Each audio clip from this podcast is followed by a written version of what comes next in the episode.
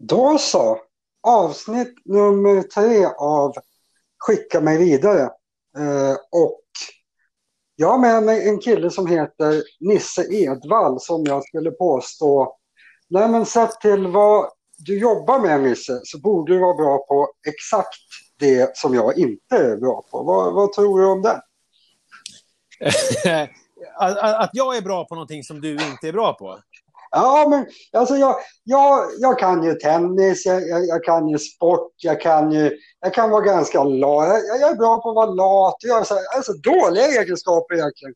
Du har ju gjort ett litet namn på att vara expert på relationer och pappande. Och om man lyssnar på min eh, och Sladjans eh, podd Hawkeye, då, då kommer man ju fram till att nej, men, eh, barnhanterande och så här, det är inte min starkaste grej, men du ska kunna sånt. Och det, det fascinerar mig. Om man liksom klonade in lite av det i mig, ja. då skulle jag bli en bättre människa. Ja, men det, men det här är också någonting som du vill måla upp om dig själv. Jag vet ju nu efter att jag chattat lite med dig de senaste dagarna att du lägger dina barn eh, och att du gör det extremt tidigt också, vilket imponerar och skrämmer mig eh, på samma gång. Ja, vi, vi, säger så. Jag, I själva verket så är jag liksom skitbra på det. All, allt är bara en myt. Ja, jag, jag, tror att det är lite så. Ja, du är i alla fall den första deltagaren i den här podden, Nisse, som egentligen är rätt deltagare. För själva idén, jag fick den här idén för några dagar sedan bara. Nu är jag igång med, med full fart. Och tanken var då att jag skulle försöka få med folk som älskar tennis men som egentligen håller på med något annat. Och så får ja, man lite bra snack kring det där. Så mm. ja, men det, jag, jag, jag, tror på det. Du får väl berätta. Jag, jag kan väl dra snabbt. Du, du, alltså, du, du har bloggat, du har, haft, eh, du har jobbat på P3 eh, tror jag. Du syns Nyhetsmorgon i lite paneler och sådär. Du syns lite överallt helt enkelt. Men jag tror inte så många har sett dig med tennisen. Men du älskar tennis, eller hur? Ja, visst. Så är det. Det är inte så många som har sett mig på banan. Och framförallt inte så många som borde ha sett mig på banan. Eh, kan vi säga. Nej, men mitt tennisintresse är ju... Jag började... Jag är född 1980. Så att jag är ju liksom, fick ju eh, ta del av den här eh, tennis, svenska tennisundret, sista liksom, eh, det här Edberg, Mats Wilander, de där, liksom den storhetsperioden. Så de följde jag ju slaviskt. Jag kommer ihåg jag låg eh, hemma och tittade på de här, eh, liksom, Mats Wilander mot Ivan Lendl och hur mycket jag hatade Ivan Lendl. Alltså verkligen hatade Ivan Lendl för att han förstörde ju alltid festen, eller väldigt ofta festen för oss svenskar. Eh, sen var det ju en paus på ganska många år när det liksom var Alltså, på lite på samma sätt som mitt liksom, musiklyssnande gick ner för att jag visste inte hur jag skulle göra. Alltså för att tennis slutades visa på SVT, eh, vilket som var min kanal. Jag, hade liksom, jag är inte uppväxt med kabel-tv och sånt, så då visste jag inte hur jag skulle få ta del av det. Och sen så, det var ju samma sak med musiken. När CD-skivorna försvann så började folk hålla på med såna Napster och sådana. Jag fattade aldrig hur det funkade. Sen så helt plötsligt med musiken så kom ju Spotify och jag bara wow, jag kan lyssna på musik igen. Och med tv så var det ju så att då kom ju helt plötsligt alla de här uh, olika, uh, vet du det, uh, sådana, vad heter det när man streamar, streamingtjänster ja. som började funka, man, så man började kunna kolla på tennis. Och nu är det ju så att nu har man ju tillgång till så mycket tennis, ja, inte just nu för tillfället, för nu är det ju, är det ju ingen tennis alls, men så att det finns ju, nu kan man ju se så jävla mycket och då är det ju så jävla roligt. Mm. Eh, plus att jag, när jag var för 10-11 år sedan så slog jag, eh, gjorde jag slag i saken och tillsammans med några kompisar började en nybörjargrupp tennis eh, med en tränare. Vi började eh, en dag i veckan hos, här i, på Söder i Stockholm i ett sånt här jävla tält med en gubbe. Och så höll vi på, så nötte jag där och då nötte jag där faktiskt i nio år eh, med honom, samma tid varje morgon. Alla de här människorna runt omkring mig i den här gruppen byttes ut, men jag nötte på där och lärde mig liksom grundslag eh, och serv och sådär. Och sen började jag även spela lite sådana här gruppspel där jag har eh, spelat en del och eh, började, gick upp som en sol tycker jag själv. Det var skitkul, jag vann jättemycket. Sen började jag bli Alexander Zverev, håglös och tom på banan och eh, bestämde mig då att till skillnad från Alexander Zverev så är inte det min försörjning att spela tennis. Så då kände jag att varför ska jag göra det här när jag inte tycker det är kul? Så nu tränar jag två timmar i veckan istället på någon sån här pay and play som de har i Gubbängen i Farsta här där jag bor. Okay. Ja, eh, vi satt och spånade lite igår kväll vem som skulle vinna oss. Det, är otroligt svårt att jämföra ens eh, tennisnivå på något sätt. Men vi, vi landade någonstans i att en kort match, ja men då tror jag att jag slår det. Alltså, men lång match, Nisse kommer att orka lite bättre, femsetare. Nej, men vi, vi, skulle behöva få till uh, den där matchen. Alltså. Det, det känns som det, det, är jämna odds på det. Sen, jag, det var, du drog en lång utläggning, men jag måste ju... Det här med länder, berätta. Alltså, hatade du honom bara för att han förstörde eller finns det ett, ett, eh, ett Lendl-hat? Han, han känns hatkompatibel, Lendl. Det är inte många som gillar Lendl, eller hur? Nej, och man fick ju de här historierna om honom också. Alltså det var ju någonting. Mats Wilander uppenbarligen hatade ju honom. För han pratade ju alltid skit om honom. Jag minns ju den här storyn, eh, alltså, jag minns, jag var ju 9-10 år, men jag kommer ihåg att han berättade en historia om att eh, eh, de skulle spela någon match och eh, eh, Wilanders utrustning hade försvunnit. Så han ville ställa in den här matchen på något sätt. Men Lendl vägrade och krävde att han skulle spela ändå. Så fick han spela, fick Wilander spela med lånad utrustning och förlorade ju liksom hur stort som helst. Alltså det var... Eh, och sen, så att han, men sen var det väl det här jobbiga att han var en sån spelartyp eh, alltså det här är återigen tioåringen i mig, så jag är ingen, liksom, det är ingen expert. Eh, men en sån här som bara gnetade och gnetade och gnetade och gnetade sönder våra, som jag vill minnas, i alla fall Edberg spelade ganska offensivt, om jag inte, mm. inte kommer ihåg. Villander var väl kanske lite mer av en gnetare, mm. men det var ändå som att han liksom nötte ner dem och det är väl lite sådär som jag kan tycka när man ser Djokovic idag spela också, att det är så här, hur ska man slå honom? Att det blir liksom, även om jag med hela, hela min... Jag vill ju med hela mitt väsen tycka om Djokovic för att det känns så himla töntigt att vara en person som inte tycker om Djokovic.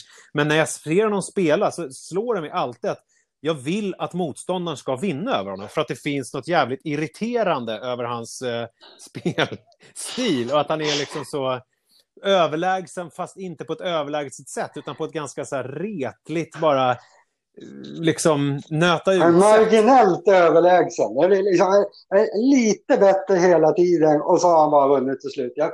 Men Lendl var väl lite, du är inne på något intressant där, för det hänger kvar med Federer lite grann nu tror jag. Att anledningen till att så många älskar Federer så mycket numera, är att han är ju liksom en produkt som är kvar från lite från den gamla tiden om hur tennis ska spelas. Det ska vara elegant, det ska vara offensivt, det ska vara ganska snyggt på något sätt. Och på, på den här tiden du beskriver, Lendl-tiden, ja men Lendl var ju, nu var ju det här lite innan min tid, jag, jag har sett Lendl spela, men alltså han var ju supergnetare. Är man supergnetare idag, alltså ja visst, man, man, man kanske inte framstår som så spännande, men det finns rätt många sådana. Lendl var väl lite halv unik i att vara så tråkig på den tiden. Så Lendl, eh, jag, kan ställa upp på Ländelhatet. Jag tror jag hade haft eh, lite samma sak, även om det är motsägelsefullt. Att jag tycker ju ganska mycket om eh, Djokovic nu för tiden. Ska vi raska av den då? Jag har lite längre ner här egentligen. Men Roger, Novak eller Raffa, Nisse? Den frågan kommer alla få. Du,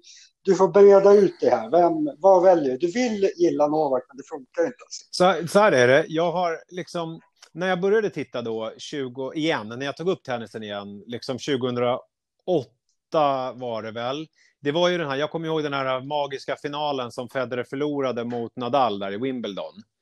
Mm. Eh, det var väl lite grann min återentré i liksom tennisvärlden igen, vill jag minnas. Det är klart att vi hade sett the occasional Eurosport-sändning, alltså någon gång mellan varven, men det var väl någonstans där. Eh, och, sen, och, och, då var det också i Söderling, det var väl 2009 som han gick så långt i Franska öppna också. Alltså jag, jag kommer ihåg, det blev ju lite tennisfeber då i Sverige när han började mm. eh, vinna matcher och så. så att, och då var det ju så här att jag bara tyckte ju jättemycket om Federer. Alltså då, då, hade jag liksom ingen riktig koll egentligen på saker och ting, utan då var det bara så här, men Federer tycker jag jättemycket om. Nu har jag nyanserat lite grann, så att det är så här, som jag sa tidigare, att jag, jag vill ju tycka om Djokovic för att det känns töntigt att vara en person som gillar Federer, för att jag har väldigt svårt för hela de här äh, Federer liksom communityt. Alltså det är ju nästan som en sekt ju, med liksom den eh, gudomlige ledaren som ju aldrig kan göra någonting fel. Vilket ju gör att det är så här, att jag, att jag har svårt för hela den grejen. Men samtidigt är det så här, när han går upp på banan och börjar spela, jag tänker nu på Australian Open, alltså det, det var ju så här, jag ville ju gärna säga så här, nej men jag, jag tycker om att kolla på matcherna i första omgången när det liksom är de här eh, lirarna som är nere på 50-60 på rankingen, för det blir väldigt intressant spel. Men det är ju bara en lögn. Jag vill ju bara se Federer hela tiden. Och jag vill se honom mot värdelösa motståndare. Det är ju liksom speciellt. Nej, men vad fan. Jag, det är ju speciellt. Alltså, det, det där känns ju vilt. Jo, men det, det... det alltså, allt, det, du vill bara se honom vinna. Jo, men det är alltså, lite så. Och, det, och jag, måste ju, jag måste ju vara ärlig här. Jag kan inte ljuga när jag är med nu i en tennispodcast. Alltså, det finns ju ingen annan spelare som jag vill se så tidigt i turneringarna som Federer. Alltså, så här, att se honom bara köra över någon med 6-2, 6-3, 6-4 eller vad fan han kan vinna med. Det är, liksom, det är så himla roligt. Nadal däremot är ju så här... Nadal har ju tyckt illa om tidigare för att han var den här Federer-förstöraren.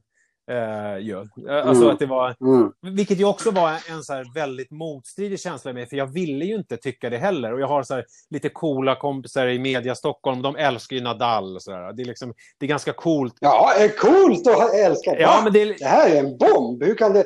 Alltså det är så annorlunda att det blir coolt. Ja, men lite så. Att det är lite som att så här, ja, men fan, man kan inte lyssna på Oasis. Man måste ju lyssna på det här eh, The, the ah. Schmurny Murny som ingen har talat om, som ingen gillar. Eller någonting sånt. Typ. Att det är lite anti sådär.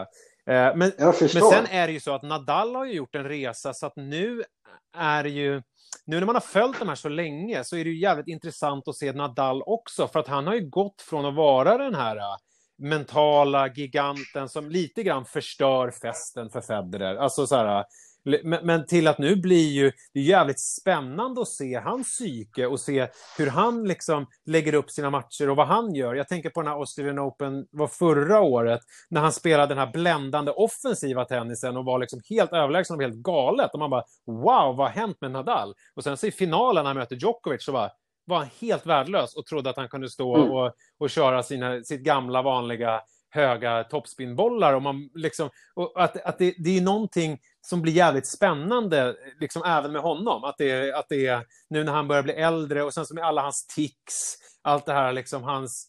Han är ju jävligt fascinerande och nu när han inte bara dödar Federer längre så kan jag liksom uppskatta honom för det. Uh, mm. Så att uh, han har verkligen seglat upp. Det är fortfarande så att Federer är ju verkligen topp. Men, men Nadal har verkligen kommit upp liksom. Uh, han har verkligen någonstans nere i, i, i, smutsen liksom. Det är Federer, han är, han är uppe med gudarna i himlen. Sen Nadal, han trampar omkring lite ovanför oss.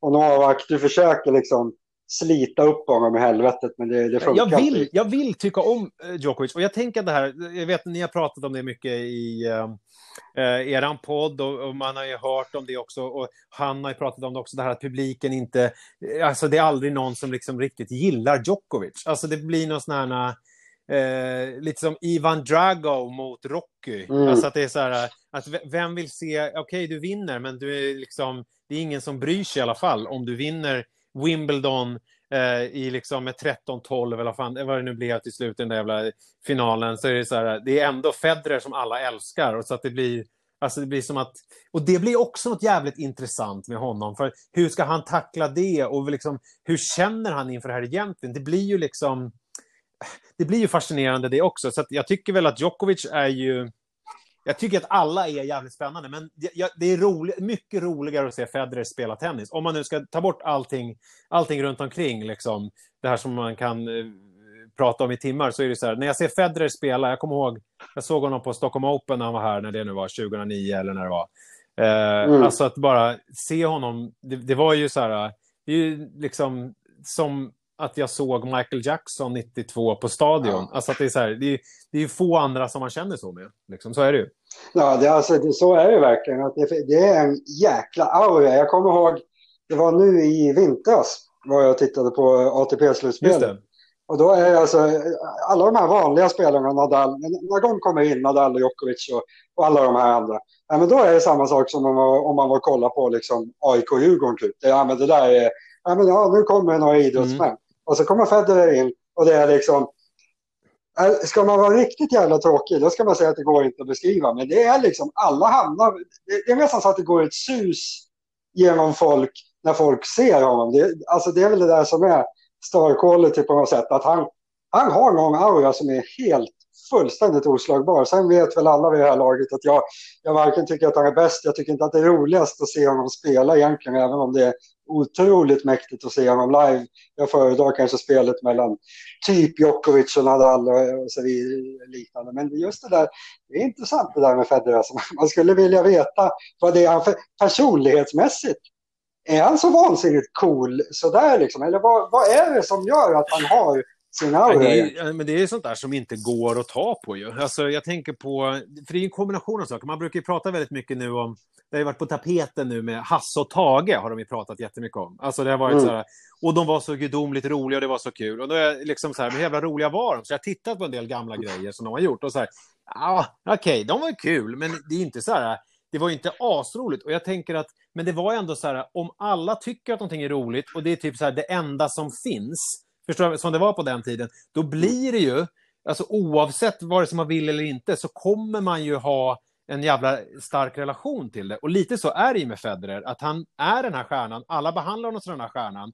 Och då när han kommer in så blir ju han den här stjärnan och då kan man ju som eh, liksom skeptisk, eh, ironisk, avståndstagande svensk sitta där och försöka värja sig. Men det blir jävligt svårt eh, till, faktiskt till slut att göra det. För att det liksom är krafter i, i rörelse som är lite större än en själv. Jag tänker på som eh, är det det här som är en sektkänslan då? Alltså man ska vara, det låter ju helt sjukt när man börjar prata om sekter är ju inget bra liksom. Det är ju, det är ju dåligt. Men alltså är det det som gör att en sekt fungerar? Att det finns en eller två ledare som är så karismatiska att det, det liksom går inte att förklara utan man, man följer dem liksom vad fan de än säger. Har Federer helt enkelt den där... Har han byggt upp någonting som inte går att bortse från fast man inte kan förklara. Är, liksom, är det en Federer? Jag tror att det är lite så. Fast grejen med Federer är ju att han är ju inte Kristi brud, Adolf Hitler eller eh, han den här...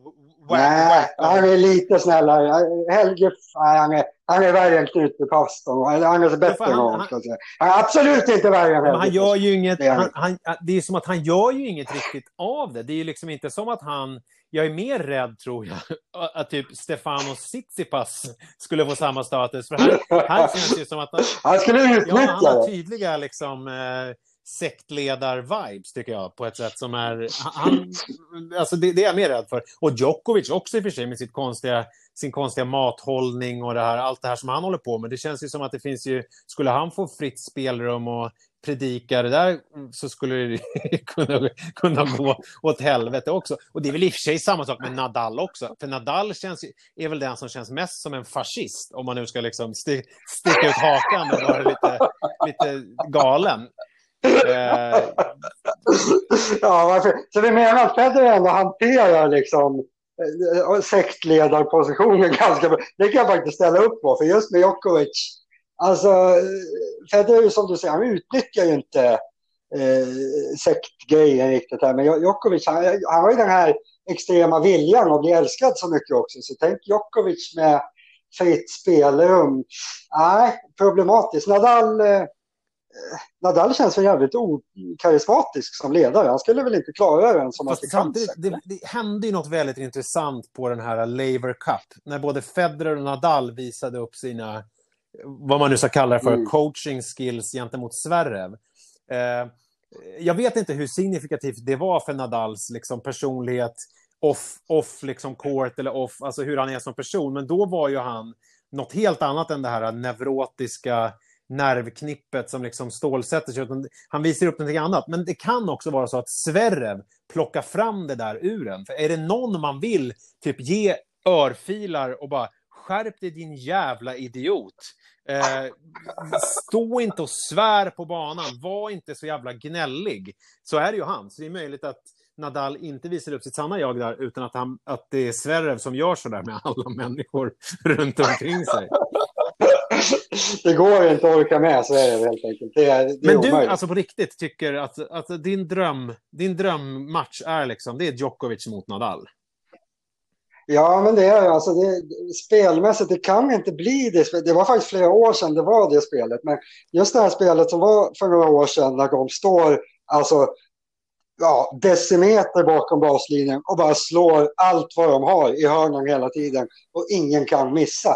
Det där är ju verkligen tycke och smak. Men när Federer spelar, när han möter Nadal eller Djokovic, han vill ju egentligen inte ha det som jag kallar bra spel. Alltså han vill inte ha långa malande dueller där han vägrar missa. Han, han vill, ska han slå Nadal eller Djokovic, i alla fall Djokovic, Nadal har jag bra koll på numera, men ska han slå Djokovic, nej men då är det nästan, då krävs det att det är mer eller mindre skitspel. Eh, kortare dueller, alltså mycket, ja men det ska vara konstigt spel, medan jag föredrar det här kanske med, med rena kraftmätningen som Federer men det, det är fullt förståeligt att han aldrig blir inblandad i den, för han, han vill ju inte ha den.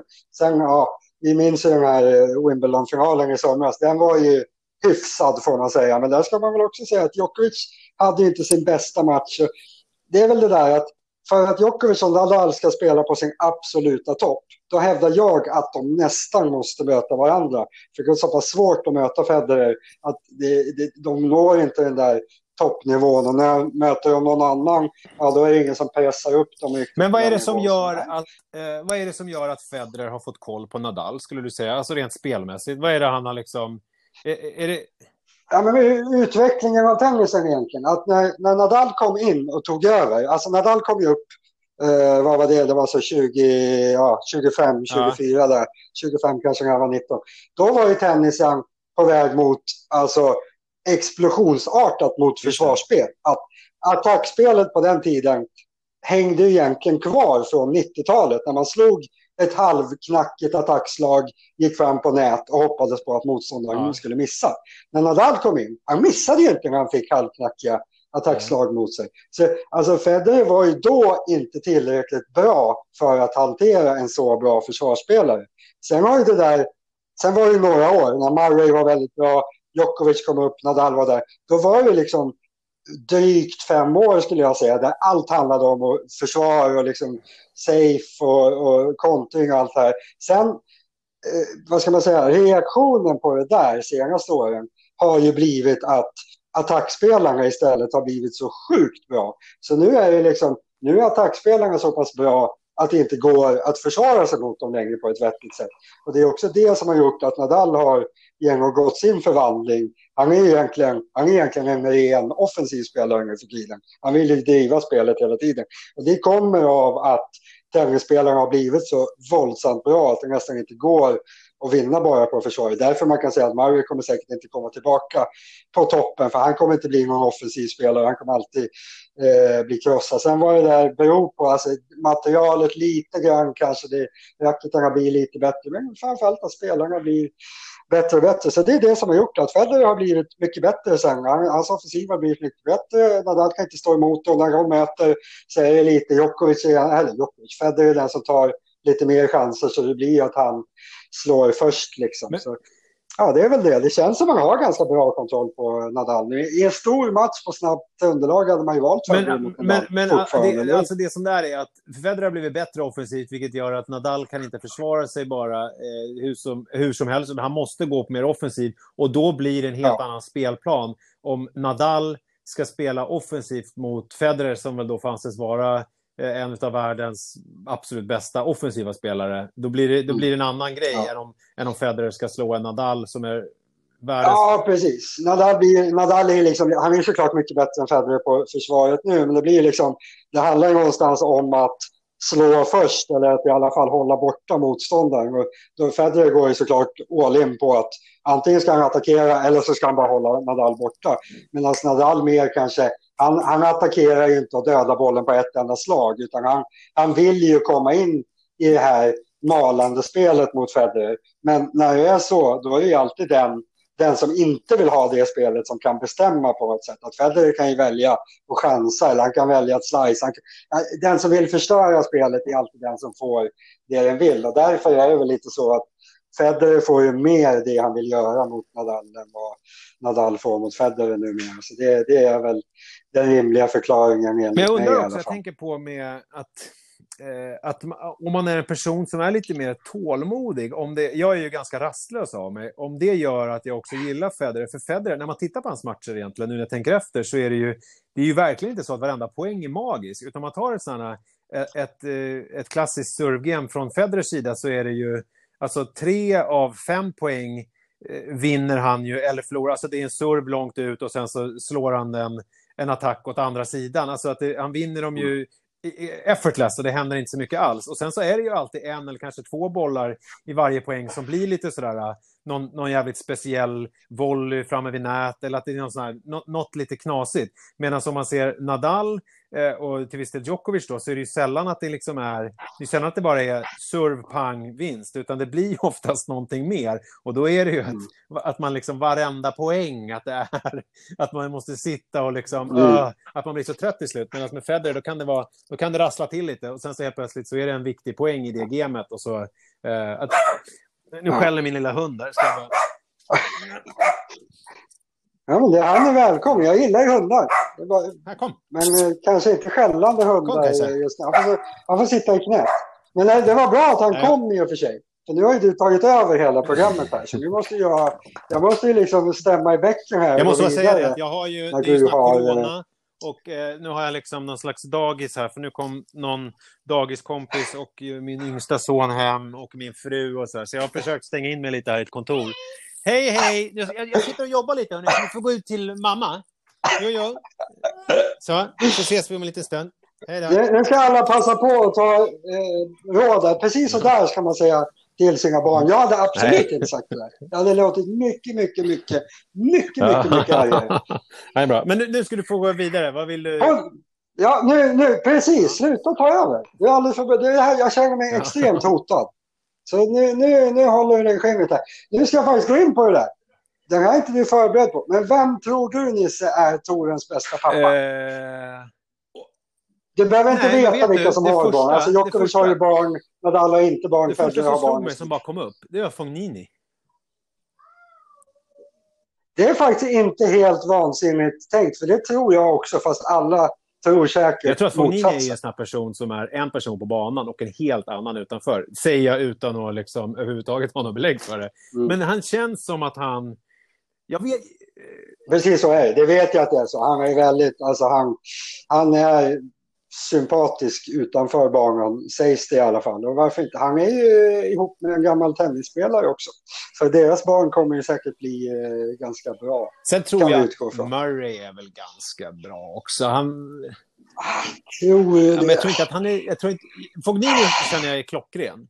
Eh, Federer tror jag är väldigt mycket... Jag tror att han är mysig när han är med dem, men jag tror att helt ärligt så är väl menar, fyra barn där. Jag tror att det är mycket barnflickor och annat som är med. Att han, jag tror att han är lite mer gamla skolans pappa, sådana som eh, förr i tiden som satt och rökte pipa på något kontor någonstans och sen kom hem och luktade, luktade parfym någon gång.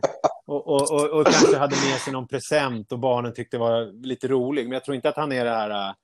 Eh, han mutar barnen, säger som det han, han tittar till dem en gång om dagen, ger dem en jävligt dyr present och sen går han och... Vad gör han förresten Federer? Det är vårt ständiga problem i, i Hawkeye. Sladjan försöker alltid få mig att säga, säga att Federer sitter och äter choklad i soffan. Vad, vad tror du Federer ägnar sig Alltså på fritiden? Eller, alltså fritiden eller på liksom... Ja, men rent allmänt, alltså fritid, det är väl bara fritid i Federers liv. Liksom. Han, han är väl runt familjen, men vad, jag vad gör han? Jag tror att Federers liv är väldigt mycket, alltså, alltså, såklart några timmar på banan och lite gym och sådär. Och sen så är det ju, jag tror att det är väldigt mycket möten. Jag får känslan av att han är, att han är på väldigt mycket olika sådana här eh, skissar på någon tröja eller något jävla Barilla omslag eller att det, det är väldigt mycket liksom sådana business. Jag tror att det är väldigt mycket business för honom, eh, tror jag. Sen vet alltså jag, vad gör man? Han har jättemycket pengar, han är väl i sitt hus liksom. Jag, jag, jag får ingen sån jag får ingen ångest-vibe på honom. Alltså jag kan få, nej jag, jag får inte får så här att han... Äh, Mår han bra? Alltså, det känner han liksom har, alltså slentrianmöten, sitter och liksom brainstorma på någon... Eh, jag, vet ja, men jag, tror så här, jag är ju gammal kompis med Per Lernström. Alltså, eh, som är, har idol och talang och ja. Vi kom fram ungefär samtidigt. Alltså, så här, vi var liksom, han jobbade på radion och så där. Och, och, men våra liksom, karriärer tog liksom, olika vändning. Och han är lite, som jag tänker med Federer, alltså en sån här person som som får folk ändå att må ganska bra. Alltså han är liksom, han är, det, finns inte, det finns ingen ångest i honom. Visst, han kan vara ledsen, han kan vara upprörd, han kan vara arg, men det är liksom ingen så grundton av liksom ångest som jag inbillar mig att jag ändå har. att, att, Ja, vem fan har inte det? Alltså det här låter, nu börjar jag må dåligt för att jag liksom försöker se framför mig hur man kan ha det. Du framställer det som att Federer, nej men han, han, han flyter liksom bara omkring. Och det, det ja, rullar på och det är ganska bra hela tiden. Det är typ det enda man vill. Så du säger att Federer är världens ja, tror, Ja, men lycklig på det sättet att han inte riktigt har varit olycklig. Förstår du? Alltså, det... Ja, men det är väl det för man vara lycklig. Alltså, om det, lycklig är väl att det inte, det inte blir jobbigt. Alltså när det blir, det låter ju som att Federer har liksom inte. Det ja, ju jävligt problemet skönt. när man är sån är ju att man inte vet om det. Alltså när, när jag diskuterar, nu lämnar jag ut Per, jag vet inte, men, men, men, när vi pratar om sånt här så är det ju som att det liksom är att, eh, att, eh, att det, alltså han, han vet inte vad sann olycka är i grunden. Han har varit med om jättejobbiga saker i sitt liv, alltså yttre saker och sådär, men det här som jag kan känna, det här att man bara vaknar på morgonen och det bara känns bottenlöst mörkt. Förstår du vad jag menar? Att det liksom är, att det är så här, ja, ja, visst, fan ska jag klara av den här dagen? Och sen så går man och lägger sig på kvällen och det, man, man fylls av en känsla av så här, fan jag klarade det. Alltså, jag, och, och, då har man liksom haft en helt vanlig dag. med, med stor ja. överraskning i, i tonen. Så, det, tro, det så tror jag inte att Federer har det. Utan jag tror att han, jag tror att nej, han, liksom, nej, nej. han, han, han flyter på liksom. Jag tror inte att det är det är liksom inte så jävla jobbigt. Nej, jag, han, det, han gör ju inget roligt då i och att jag, jag bara, inte så här... Nej, han, det, är bara, det är lite möten och det sen är titta till barnen och ja, sen är det Ja, jag tror inte att man... Jag menar, om du tar så här... Om du tar Filip och Fredrik. Alltså för att ta... Då är det så här tydligt. Mm. Filip, ångest. Där är det någonting jobbigt. Fredrik, mm. nej, inte så jobbigt. Inte så mycket som är jobbigt för honom. Nej. Men om, om man tar så här Federer. Eh, och sen så tar man, vem ska vi ta då? Ja, men Andrew Agassi. Alltså, så här, även, även när Andrew Agassi spelade så kände man ju så här, här är en person som brottas med olika saker. Det är ganska tydligt.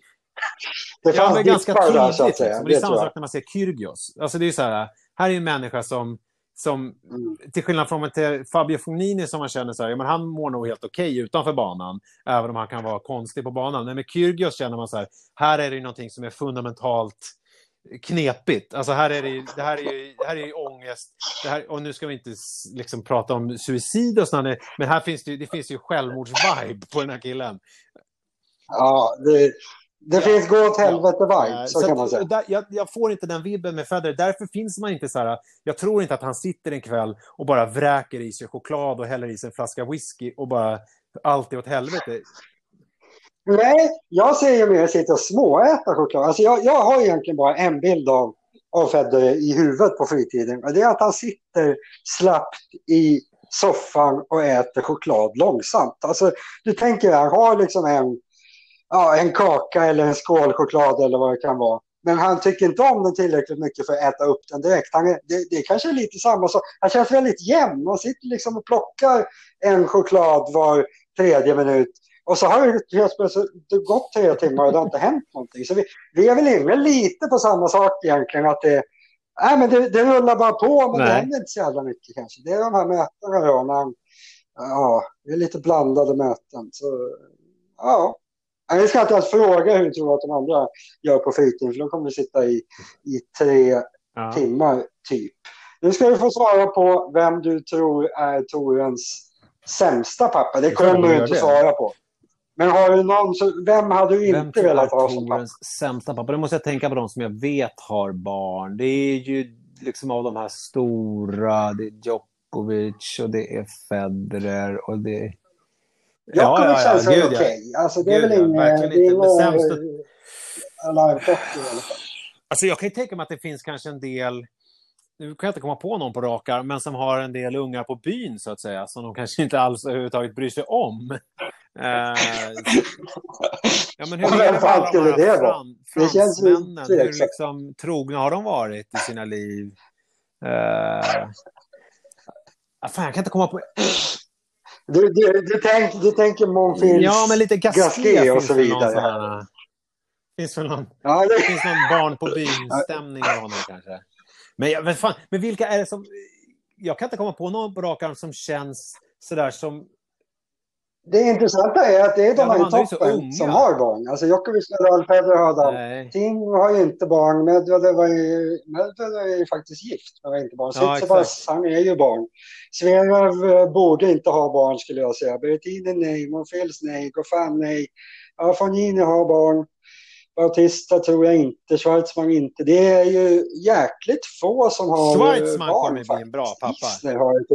Isner lyckades ju med något helt sjukt. Han fick ju, enligt min uppfattning, så fick ju Isner två barn med typ sex månaders mellanrum med samma, samma tjej. Det hände ju inte riktigt. Han fick väldigt, väldigt... Eh, ja, det är konstigt. Frågan är, är hur det påverkar hans föräldraskap. Jag tror så här. Alexander Zverev ska inte ha barn just nu. Just nu i alla fall. Det tror jag nej, inte är bra. Nej. Jag tror i och för sig att Kyrgios skulle kunna tänka sig få barn, för då kanske han skulle få rätsida på en del grejer. Alltså, han, liksom, han skulle kunna bli en sån här som fick barn ja, och typ mognade med det. Uh, så det kan nog, skulle mm. kunna vara bra. Ja, men det håller jag med om att det känns inte samma liksom, stor varningsklocka över Kyrgios. Han skulle kunna hantera ha ett barn. det känns som att han är nej. på fel plats alltså, i livet bara. Nej, Nej, jag, men jag tror att av de som har barn nu så tror jag nog kanske ändå att Federer är den som är eh, mest frånvarande. Slänger jag ur mig bara. Jag bara, jag bara ja, kastar ur mig det. Eh, jag tror att det... Fast vad har du att jämföra med då? Det är typ eh, Djokovic då. Det är liksom inte... De andra har ju inte... Nadal känns som att han har barn, men han har ju faktiskt inte det. Eh, borde Nadal ha barn? Hur kommer Nadal bli som pappa? Jag, jag tycker Nadal är ju ett mystiskt är ett frågetecken eftersom jag eh, inte har en aning om han är privat. Jag vet, jag träffade en tjej en gång på en fest som hade bott på Mallorca och påstod sig ha liksom haft en fling med, med Nadal. Eh, och, och jag vet ju inte alls sanningshalten i det sådär, jag känner inte henne, men hon menade att han var otroligt liksom bara fokuserad på tennis och ganska tråkig. Alltså att det var liksom, det hände, det, det hände inte så mycket. Ja, det låter inte helt Nej. osannolikt, eller hur? Vad är din bedömning? Alltså det, det hade varit mer skräll om hon sa att han satt och gjorde någonting man absolut inte ska göra på kvällarna. Typ. Det känns ju som att han borde ju Nej, inte vara... Och då är det så här, jag, jag tror att han... Eh, jag tror väl kanske att han kommer få lite svårt att kombinera sin tennis med liksom ett liv utanför. Nu när han har gift sig och allt sånt där. Jag vet inte riktigt hur det... Alltså hans den här Eh, viljan att vinna och aldrig ge upp och det här att tennisen är allting och kämpa tills man dör. Typ. Jag vet inte hur riktigt hur det går att kombinera med typ, familjeliv och fru och sådär eh, faktiskt. Eh, där är väl mm. andra menar, är väl bättre på det tror jag. Att, att, att, typ som en sån som Kyrgios som jag tror skulle må bra av att typ, träffa någon och få lite stadga i livet och sådär, eh, lite stabilitet. Eh, faktiskt. Vad, vad hade hänt med Nadal? Nadal har ju varit ihop med samma tjej sedan han var ja, väldigt, väldigt ung. Så hon, antingen så var han då lite smygotrogen ja, med kompisar eller så var det sjukt. Ja. Länge sedan. Men Nadal, vad undrar vad Nadal hade...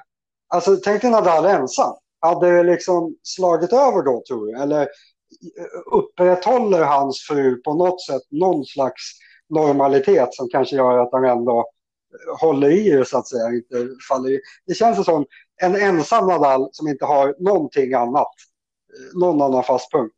Det kanske skulle bara bli lite väl mycket. Ja, kanske. Men jag har alltid sett med honom som ganska ensam, trots att han... Jag visste inte att de har varit ihop så länge, eh, men alltså, jag, jag, tänk, jag vet inte riktigt vad de har vad de har för relation.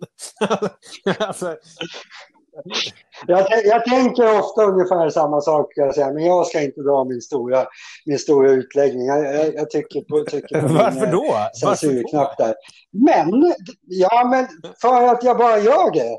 Det, det, det, det här, det här är min podcast, Nisse. Det, här, det, det, är jag som kommer skit du? Att, på skit att det är ett skenäktenskap? Nej, att han bara har och sen, sen, för att det ska verka typ lite normalt, men egentligen är han, sitter han instängd i något eh, torn och bara jag, jag, jag, antyder att det kan vara så att de inte sover Aha, i samma okay. hotellrum under turneringen. Alltså lite så här att jag, jag, faktiskt så ser jag inte hur den bild jag har av Nadal, hur mycket han har fokus på sin tennis, så ser jag inte hur han skulle kunna låta någonting överhuvudtaget störa honom. Sen tror jag att det kan, alltså, det kan säkert vara relativt normalt annars. Men jag, jag tror inte det är så jävla roligt att vara med Nadal under Jag tror inte jag heller. Men tro, har du någonsin... Det är nog mycket, mycket sitta och muttra varmos på kvällarna. Liksom. Det är inte, nej, det är inte mycket att titta på. Vi, vi Men har du någonsin sett en bild på Nadal när han känns lite off guard och typ ler lite? Alltså så här, med hela kroppen, att det liksom känns så här, på riktigt? Nej, det tror jag inte. Det sägs ju att han åker ut med båten ibland. Men det, det, det är också så här lite att det känns som att han alibi gör det för att folk ska, folk ska liksom tycka att nej men fan bra att du gör någonting annat. Att han, jag, jag, jag vet han vill, jag tror faktiskt inte att Nadal vill göra någonting annat än att göra allt han kan för att vara bra i tennis. Jag tror han ärligt talat skiter i allt annat. Jag, tycker, jag tror inte att han tycker att något annat är direkt kul eller meningsfullt. Liksom. För det, eh, finns det någonting han kan göra för att bli bättre i tennis just den stunden, då tror jag han ja. tycker att det andra är lite meningslöst. Och det kan väl jag eh, känna lite grann att det kanske inte en partner tycker är så jäkla kul då, att om han är med henne liksom så, så kanske hon känner då att nej, men han hade egentligen velat vara nere och stå och trycka lite. Men vet du, det tror jag, det där tror jag faktiskt gäller för alla de där toppspelarna, fast de tacklar på lite olika sätt. Alltså jag tror, jag tror att Nadal är väl den som kanske har svårast när, jag vet inte vad hans fru heter, när hon kommer och säger så här, ska vi äta middag? Så tror jag kanske mer att han börjar typ så här, eh, staka sig och titta nervöst fram och liksom skaka lite. Medan typ Federer är typ så här, ja Mirka, Mirka I would love to, uh, but I will just uh, go hit some forehands and then I'll join you. Och medan uh, Djokovic, jag vet inte vad han... Djokovic tror jag faktiskt stänger av helt. Han, han pratar ju faktiskt lite om det där, alltså, han pratar ju kanske lite väl mycket om det, hur viktig, att han typ vill sluta spela tennis för att familjen är så viktig. Men han tror jag är faktiskt han tränar några timmar om dagen. Sen tror jag han skiter totalt i det. är väl bra. Sen jag som, jag är inte alls så egentligen. Jag är så här att mitt liv flyter ihop med övriga livet. Jag sitter och tittar tennisresultat och grejer dygnet runt. Så jag har ju svårt att förstå hur man kan göra det. Men det anses väl vara det bästa. Så Djokovic är Ja, men det är också för att det funkar för honom. Han är ju också bäst just nu. De andra måste ju slå honom. Jag tror att under den här perioden då, när det började ja. gå dåligt för honom, Eh, då tror jag inte att det var så många mysiga middagar och så. Då tror jag han bara, nu måste jag bli bäst igen. Men sen så när, när han väl har nått upp till det nu och är den som de andra ska slå, så tror jag att han kan softa lite grann. Och sen så är det de andra som måste typ steppa upp och komma på någonting. Och det gäller väl egentligen alla spelare på touren, att de kan ju inte slappna av. Men eh, mm. har du mer grejer som du vill fråga eller kan vi... Eh, kan, kan, eller, vi har, vi har halva programmet kvar Nisse, men ja. å andra sidan, vi, vi, vi, vi, kör, vi, ja, vi kan väl öka tempot lite grann. Jag minns inte vad du frågade. Men att vi ändå rullar vidare. Nej. Nej, det var säkert inget viktigt. Ja. Men eh, nu ska jag fråga något viktigt förresten. För nu ska vi sluta med det här jävla tramset. Nu ska jag fråga dig en fråga som jag tror faktiskt ganska många som lyssnar tycker att det är ganska relevant att du svarar på. Du hänger ju ganska mycket i tennishallar ändå. Du har ingen bakgrund inom eh, tennisen sådär. Men ja, just det. tennisföräldrar, Nisse. Har, eh, har du någon erfarenhet av... Ja, jag ska säga, det, det finns ju en, en bild av att tennisföräldrar, det är för idrottsföräldrar i allmänhet, är ganska usla. Att det finns, liksom, det finns många som ja. inte hanterar det riktigt rätt. Det, liksom, hur ska man vara som en bra tennisförälder? Eh, alltså det är många frågor här, men om vi börjar med... Jag har ju ingen erfarenhet av att vara tennisförälder själv, förutom att min, jag tvingade min son att spela när han var fem år, min äldsta. Fem, sex år började han snacka knatte, mm. men han ja. tröttnade ju omedelbart för att det enda de fick stå och göra var ju att nöta grundslag, vilket gjorde att det var ju liksom kanske en och han spelar ändå fortfarande. Nej, jag kan inte han, han, är fotbolls, han spelar fotboll nu. Och, och, så min erfarenhet är ju då fotbollsföräldrar. Och där har man ju hört mycket skit om att det är många, framförallt pappor, som står och skriker fitta till domaren och sådär. Och är liksom sådär eh, huliganaktiga. Men jag kan ju säga att nu har jag varit fotbollspappa i fem år här. Eh, och jag har aldrig varit med om någonting på en match. Så att där känner jag att det är jag känner att det, där, att det där är lite överskattat och att det såklart får otroligt mycket uppmärksamhet så fort någon beter sig illa, så att säga. Eh, men däremot i tennisen det är ju så speciellt med tennis i Sverige idag, för det finns ju liksom egentligen ingen organisation. Jag menar, fotbollen har ju sitt det finns den här Sankt Erikskuppen eller vad det heter nu för tiden. Alltså, det finns ett system och det är tränare och det är liksom lag och matcher och allt sånt. Men i tennisen känns det så himla mycket att det är utlämnat åt liksom, föräldrarna att styra upp någonting åt sina barn.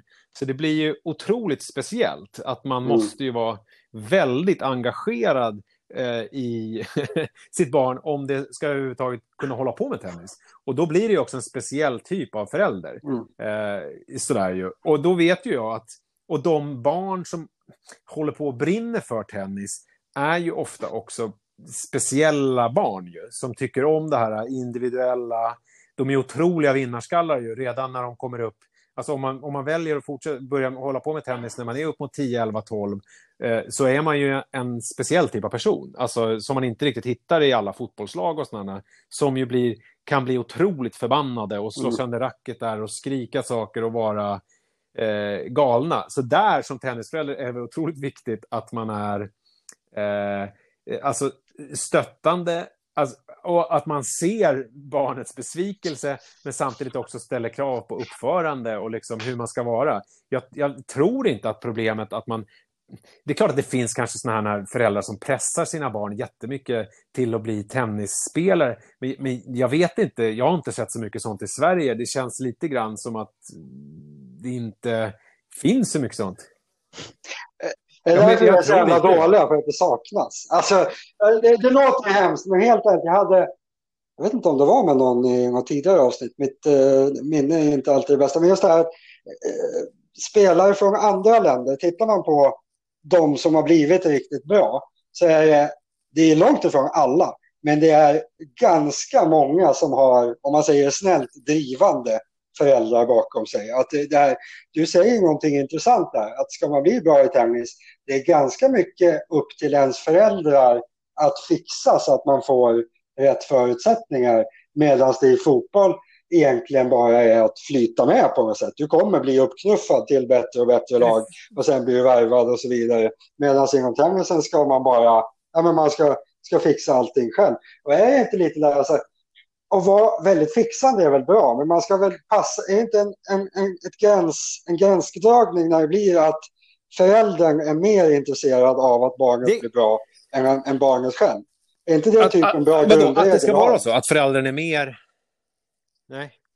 Nej, nej, nej. nej. Det, är då, det är då det har gått fel. Att alltså så länge barnet vill hur mycket som helst, då kan det inte vara något problem om föräldern vill lika mycket och hjälper till.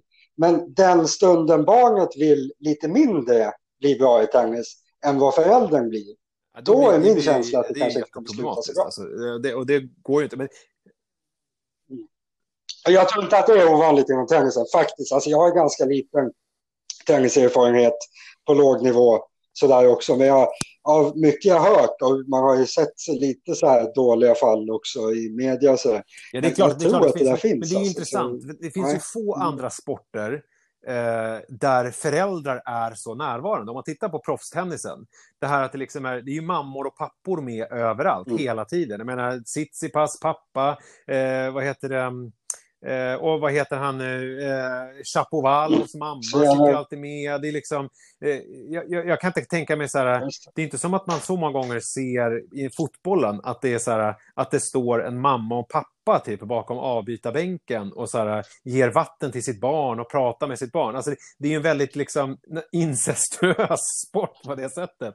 Att det, att det är Mm. Eh, det är mm. samma sak i Sverige. Mm. Jag menar, Ymer, uh, Ymers pappa är ju liksom med jämt och är ju där. Och, uh, och jag menar, Zlatan, för att ta något annat exempel. Det är klart att hans föräldrar har spelat någon slags roll i hans liv, men det är ju inte som, det är inte som att de... Det är inte som att det, det, var inte som att de... de var inte, Nej, verkligen inte. inte så, så det, det, är ju väldigt speciellt med tennisen, att det blir sån symbiotiskt förhållande mellan liksom förälder och barn, eh, på gott och ont ju. Eh, men jag tror att alltså, inom alla sporter så ska mm. man ju vara... Jag vet ju själv hur jag gör med Manne. Alltså, han är ju en jävla vinnarskalle, min äldsta son alltså. Eh, och hatar ju... Där finns det ett problem i fotbollen, mm. för han är 10-11 nu. Och där är det ju så här att nu är det... På, I laget så är det så här att det finns fortfarande kvar folk som är där bara av sociala skäl. Eh, och sen så finns det en kärna av folk som verkligen vill vinna och som vill göra allt för att vinna. Och då blir det en jävla krock när det liksom är när man tillhör en sån som vill vinna och som är vinnarskalle och sen så har man liksom killar som är med som tycker att det är kul att vara med. Men som så här, inte springer när de får en djupledsboll. Så där är det mycket det här laggrejen att jag måste ta med man efter träningsmatcher efter matcher. Att, så här, att se hans besvikelse för att han blir så jävla förbannad för att lagkompisarna inte gör som han vill. Eh, och samtidigt förklara för honom alltså, hur man får bete sig mot sina lagkompisar. Eh, det är ju en balansgång där. Att man, jag hör det, jag ser det, jag förstår din besvikelse, men du mm. kan inte skrika könsord. Det är liksom inte acceptabelt och så vidare. Eh, så att, och det är väl samma egentligen inom tennisen. Mm. Jag, ser det, jag ser din besvikelse, jag fattar att du blir förbannad, eh, men du kan inte uppföra dig hur som helst. Eh, och, eh, och, speciellt inom tennis där det är så himla viktigt att har man förlorat en boll och sen blir alltför förbannad, så då har man helt plötsligt förlorat två, tre bollar till direkt eh, av bara farten. Så där är det jätteviktigt att kunna verkligen bara ladda om och bara okej, okay, jag torskade den, eh, nu måste jag ta nästa boll. Vis, visdom från eh, vår vän nu ska jag hoppa, jag måste jobba på min förmåga att få till övergångar mellan ämnen. Jag kör så här, mm. jag kör, eh, jag kör berg och dalbana. Nu ska vi börja prata om du, du jobbar ju lite i underhållningsbranschen kan man säga. Du har ju varit... Ja. Mm, mm. Apropå, apropå föräldrar tänkte jag. För. Nej, absolut inte apropå någonting. Men tycker du att... Saknar du något i tennis? Tycker du att tennis är coolt? Eller finns det liksom om du tänker rent övergripande, finns det någonting som är typ förlöjligt i tennis att man skulle vilja ändra? Eller finns det någonting som man skulle vilja skruva åt lite så att tennis blev ännu mer intressant? Eller är, liksom, är tennis en styrka att det är lite tråkigt? Jag tycker att man... Eller liksom, vad, alltså, uspen med tennis för mig är ju det psykologiska. Alltså till skillnad från många andra sporter så är det mm. så jävla mycket psyke. Alltså speciellt om man har de här långa femsättarna. Eh, att om man på något vis kunde få fram det mer, alltså hur jävla mycket psyke det är. Och, och, och, för jag tycker att idag när man tittar på tennis så är det nästan som att det presenteras som att det är en fotbollsmatch. Alltså att det är, det kommenteras därefter på något sätt. Att det liksom är, eh, alltså slår han till bollen, sen slår han till bollen och då slog han i nät och sen var det slut. Alltså det här psykologiska, man, man tittar på inte vet jag, en jävla pokersändning eller vad som helst så är det ju väldigt mycket fokus på hur folk tänker. och sådär. Att jag skulle vilja på något vis, om man kunde få fram det, alltså det här, det momentet av liksom Eh, vad ska han göra nu? Han har förlorat första set med 6-2. Han måste, han, och fortsätter han spela så här, då kommer han förlora matchen. Vad kan han göra för att inte förlora matchen? Jo, han kan kan, nu bara ge ett exempel, han kanske kan börja spela mer på hans backhand, han kanske kan slicea mer, han kanske går fram. Det ska bli spännande att se hur han tacklar det här nu. Eh, och det är så många olika moment i tennisen som är eh, det här att man hela tiden har kniven mot strupen. Att det liksom är, eh, I fotboll, man, kan, man leder med 5-0 och så, här, så spelar, man, spelar man på resultatet liksom resten av matchen och det känns som att man kan andas ut. I tennis är det ju aldrig så. Det är bara att titta på, jag tänker US Open-finalen där, när Medvedev höll på att komma ikapp och gå om där när det kändes som att Nadal skulle sopa banan med honom bara. Alltså, det där momentet som är tennisens kärna, att man liksom på något vis ska förädla det med räknesystemet och med liksom Alltså det här psykiska spelet och allting. Jag vet inte hur man ska göra det riktigt, men, men jag tycker att när jag slår på tennis och ska försöka liksom få Li, min fru, att titta, eller några kompisar som inte är intresserade, så de ser ju bara en boll fram och tillbaks. Liksom. Och det, att det är, och att tennis är så mycket mer. Mm. det borde man... Men kommentator, en del där känns det som att det är kommentatorerna du är ute och far efter. Att sändningarna kanske är lite för, för dåliga på den punkten. Att kommentatorerna är för dåliga för, på att förklara saker. För jag tycker också att det där är intressant att de, de sitter ofta hellre och pratar om att Nej, men han, han förlorade det där tiebreaket för att han bara hade 65 procent i första serveprocent istället för 67 procent. Istället för att säga som det är. Nej, men han stod och darrade som ett asplöv och då kunde den andra eh, ta över liksom. Men, eh, där, om det är så du tänker så jo, men, jag tycker jo, också att sådana finns... skulle absolut kunna lyfta på olika sätt. Det, det, dels att kommentatorerna är dåliga, men det kan också vara att de kanske inte har rätt förutsättningar. De sitter ju ofta själva till exempel. De kanske behöver någon att, att bolla det med och så. Det kanske inte, kanske inte rätt personer som är kommentatorer. Jag vet inte. Men räknesystemet då? Är inte det, inte bra? Nej, Eller skulle man behöva, skulle man Jag behöva tänkte på en grej bara. det Alltså,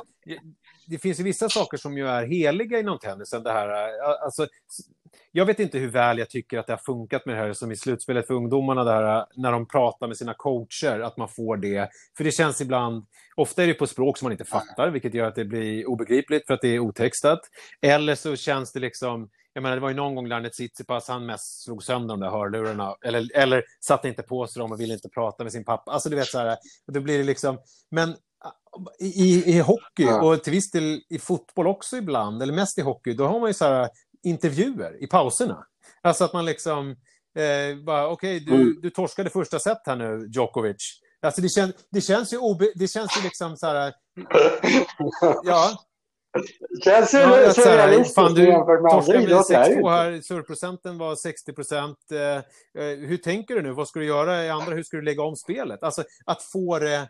Att, att få en sån förändring, fan vad spännande det skulle vara. Att få ta del lite grann av det här eh, som... Mm. Jag vet ju med Federer, de pratar mycket om så här, hur han eh, liksom taktiskt tänker i matcherna och hur han liksom är, är, håller på och klurar på saker och, och ändrar. Man, och jag tänker Murray, på, nu var det länge sedan, men det här att han oftast förlorade till första set, eller i alla fall innan han hade ställt in sig på vem är det jag möter och hur ska jag spela och liksom, vad ska jag göra och så här.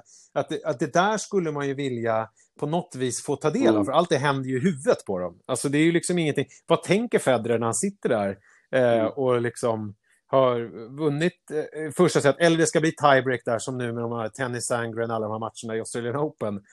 Det skulle man ju på något vis vilja eh, få reda på. Jag, jag- och jag vet inte hur det, hur det Nej, alltså jag tänker väl i min, för de, det som tennisen, som jag förstår sig tittar upp på de stora turneringarna och inte så mycket mer. Och det har jag förståelse för att många gör. För de mindre turneringarna blir ju egentligen bara mindre och sämre upplagor av de stora turneringarna. Så varför skulle man inte kunna lyfta in något sånt i mindre turneringar? Jag ser inte framför mig att det här händer i, i Wimbledon, liksom, att det kommer in någon liten nisse och pratar med Federer inför femte set i finalen mot Djokovic. Det, det kan väl jag känna att nej, men det kan jag vara utan. Men om Federer kommer till Stockholm Open och är liksom lite så här, alla vet att han bryr sig inte riktigt, han är här Ja, Då kan man väl få prata lite då mellan sig, betyder det inte någonting på riktigt. Man vill ju att det ska vara... Ja, fast det är, så är det ju inte, för du tittar inte på turneringen i Men du menar att det skulle Omag i få mig att titta liksom. på det? Det blir inget av. Men det, det, det kanske måste till någonting för att, ja, precis. Alltså jag har liksom jobb, jag har familj, jag har... Alltså jag skulle nog gärna titta på all tennis, men det går ju inte. Alltså då, då spelar det ingen roll om de gör vidtar massa olika åtgärder, för att jag kan liksom inte...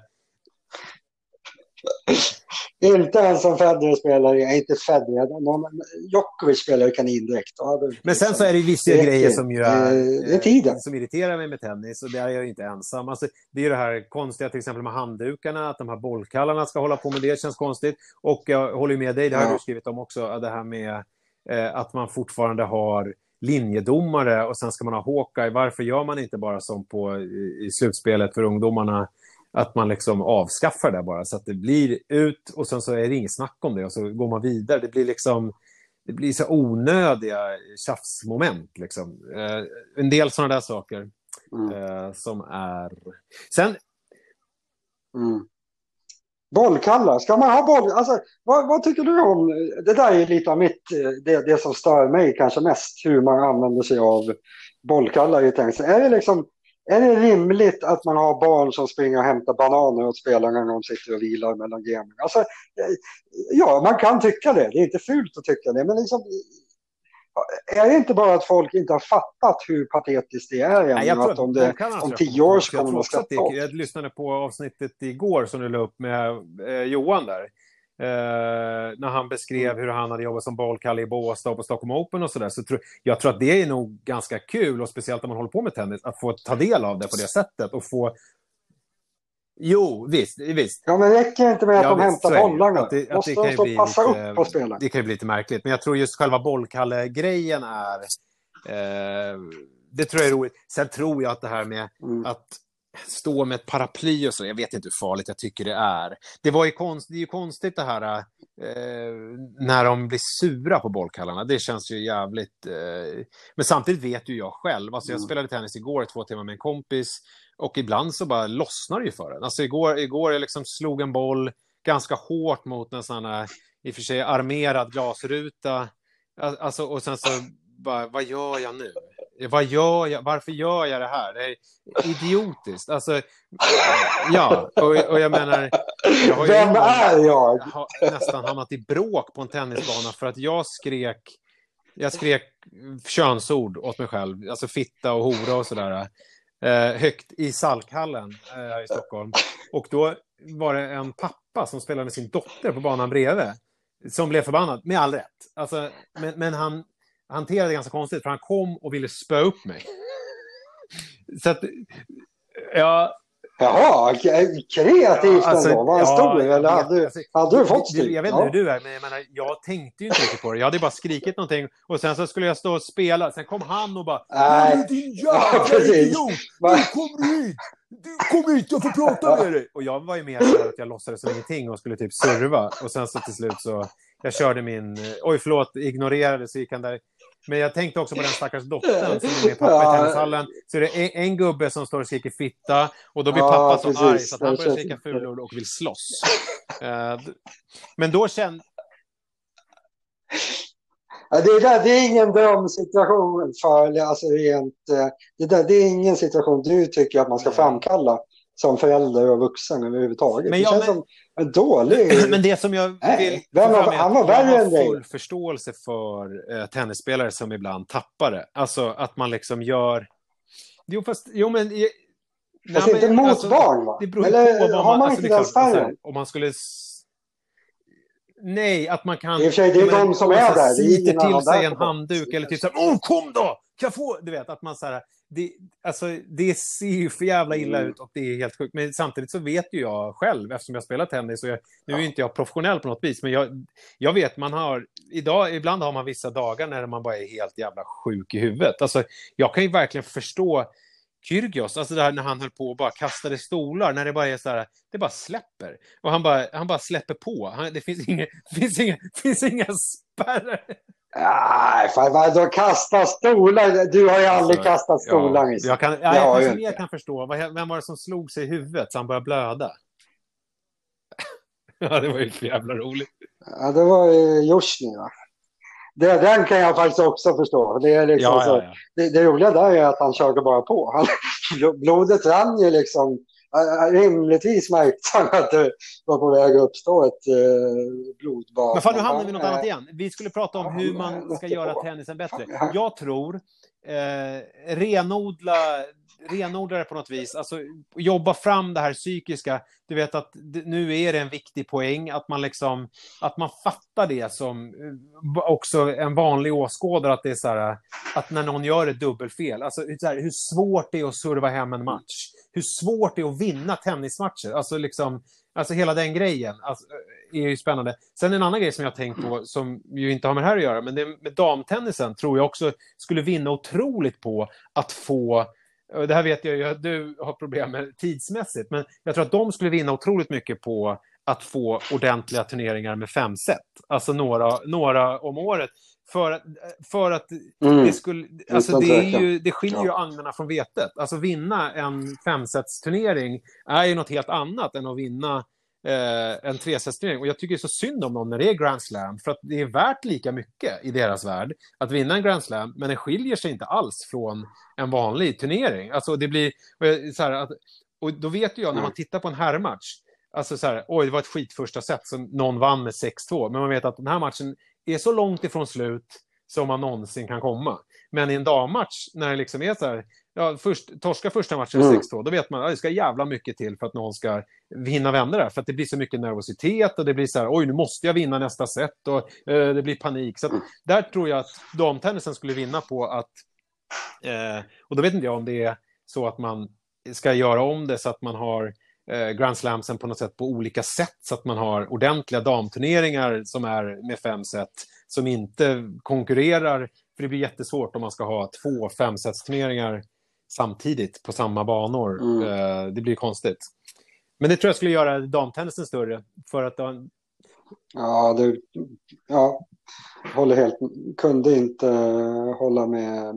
Vet, visste du att Chapovalov har sin mamma och Jusjny som eh, tränare? Vad säger du om den eh, vad kombinationen? gör Shapovalov? Nej, hon är kvar. Nej, nej, nej, nej. Chapa, jag, Dennis Chapovalov, Nisse, säger rankad jag. 16 i världen. Hallå där! Jag var inne på damtennisen. Sharapova har ju lagt av. Chapovalov jag har då på. sin mamma och Mm. som tränare. Stökigt. Det är okej, det är okej. Vi ska ändå sluta nu, så du får, jag kommer avsluta dig med den där hemska eh, felsägningen. Men jag har en sak kvar, som jag faktiskt inte har förvarnat dig på, som jag har förvarnat de andra på. Men, eh, så du behöver kanske inte svara nu. Men tanken med det här är att den som är med ska skicka vidare mig till någon annan som är intresserad av tennis och som det kommer bli ett bra avsnitt. Kanske lika bra som det här Nisse-avsnittet. Jag har blir. tänkt Så på den- någon. Har du tänkt på någon det- eller vill du ha betänketid? för det chattade vi om igår. Så du, det är ju Ja. Björn Hellberg. Tennisoraklet. Eh, Ja, just det. Just det. Och då behöver vi ha en deal då, då behöver du åka Ja. ner till Björn att dels berätta för honom att internet finns och sen ska vi sätta en telefon i handen på honom och eh, ladda ner den här appen som... Nej, men det är väl inte helt omöjligt. Det tror jag. Det går säkert att få tag i Ja, men jag, jag undrar, Björn. Och det, vore det skulle bli ett liksom bra avsnitt. Om eller hur? tennis, tennis. Jag har ju mer bara hört intervjuer när folk liksom pratar om att, ja, sen så är du ju tennisintresserad också. Jo, men Mm. så här, han har varit på typ alla Wimbledon-turneringar sedan 1891. Alltså han måste, ju, han måste ju veta så jävla mycket och det skulle ju vara kul att Ungefär. höra honom prata på riktigt om tennis, om utvecklingen och vilka spelartyper han gillar och så Ja. vad han tror om framtiden för Tsitsipas och, och Medvedev och alla de här. Alltså det, det har man ju aldrig hört någon snacka om. Det blir mer som att han är en kufig gubbe. Eh, Ja, men han får, svara, han får så här korta frågor liksom. Vad, vad hände då och då? Men, det, man, men du har ju faktiskt en poäng där. Man har ju aldrig hört honom egentligen breda ut sig om, om allt han vet. Nej, det blir spännande. Det kommer Det bli jag. Jag ska, jag. jag ska få tag i det. Det måste lösas. nej, men, alltså, ort, Tack så sjukt mycket för att du var med Nisse. Det ja, blev men jag blev så glad. Avsnittet. när du skrev att du skulle göra det, då tänkte jag så här, fan den där skulle jag vilja vara med i. Och sen så tänkte jag, ska jag mejla honom? Och så bara tänkt, sen så hann du först, så jag blev ju hur glad som helst. Mm. Ja. Klockrent. Nej, vi, får, Ja. vi får göra om det. Du kanske återkommer i avsnitt eh, 49. Vi får se. Tack, hej! Nu stänger vi ner för idag.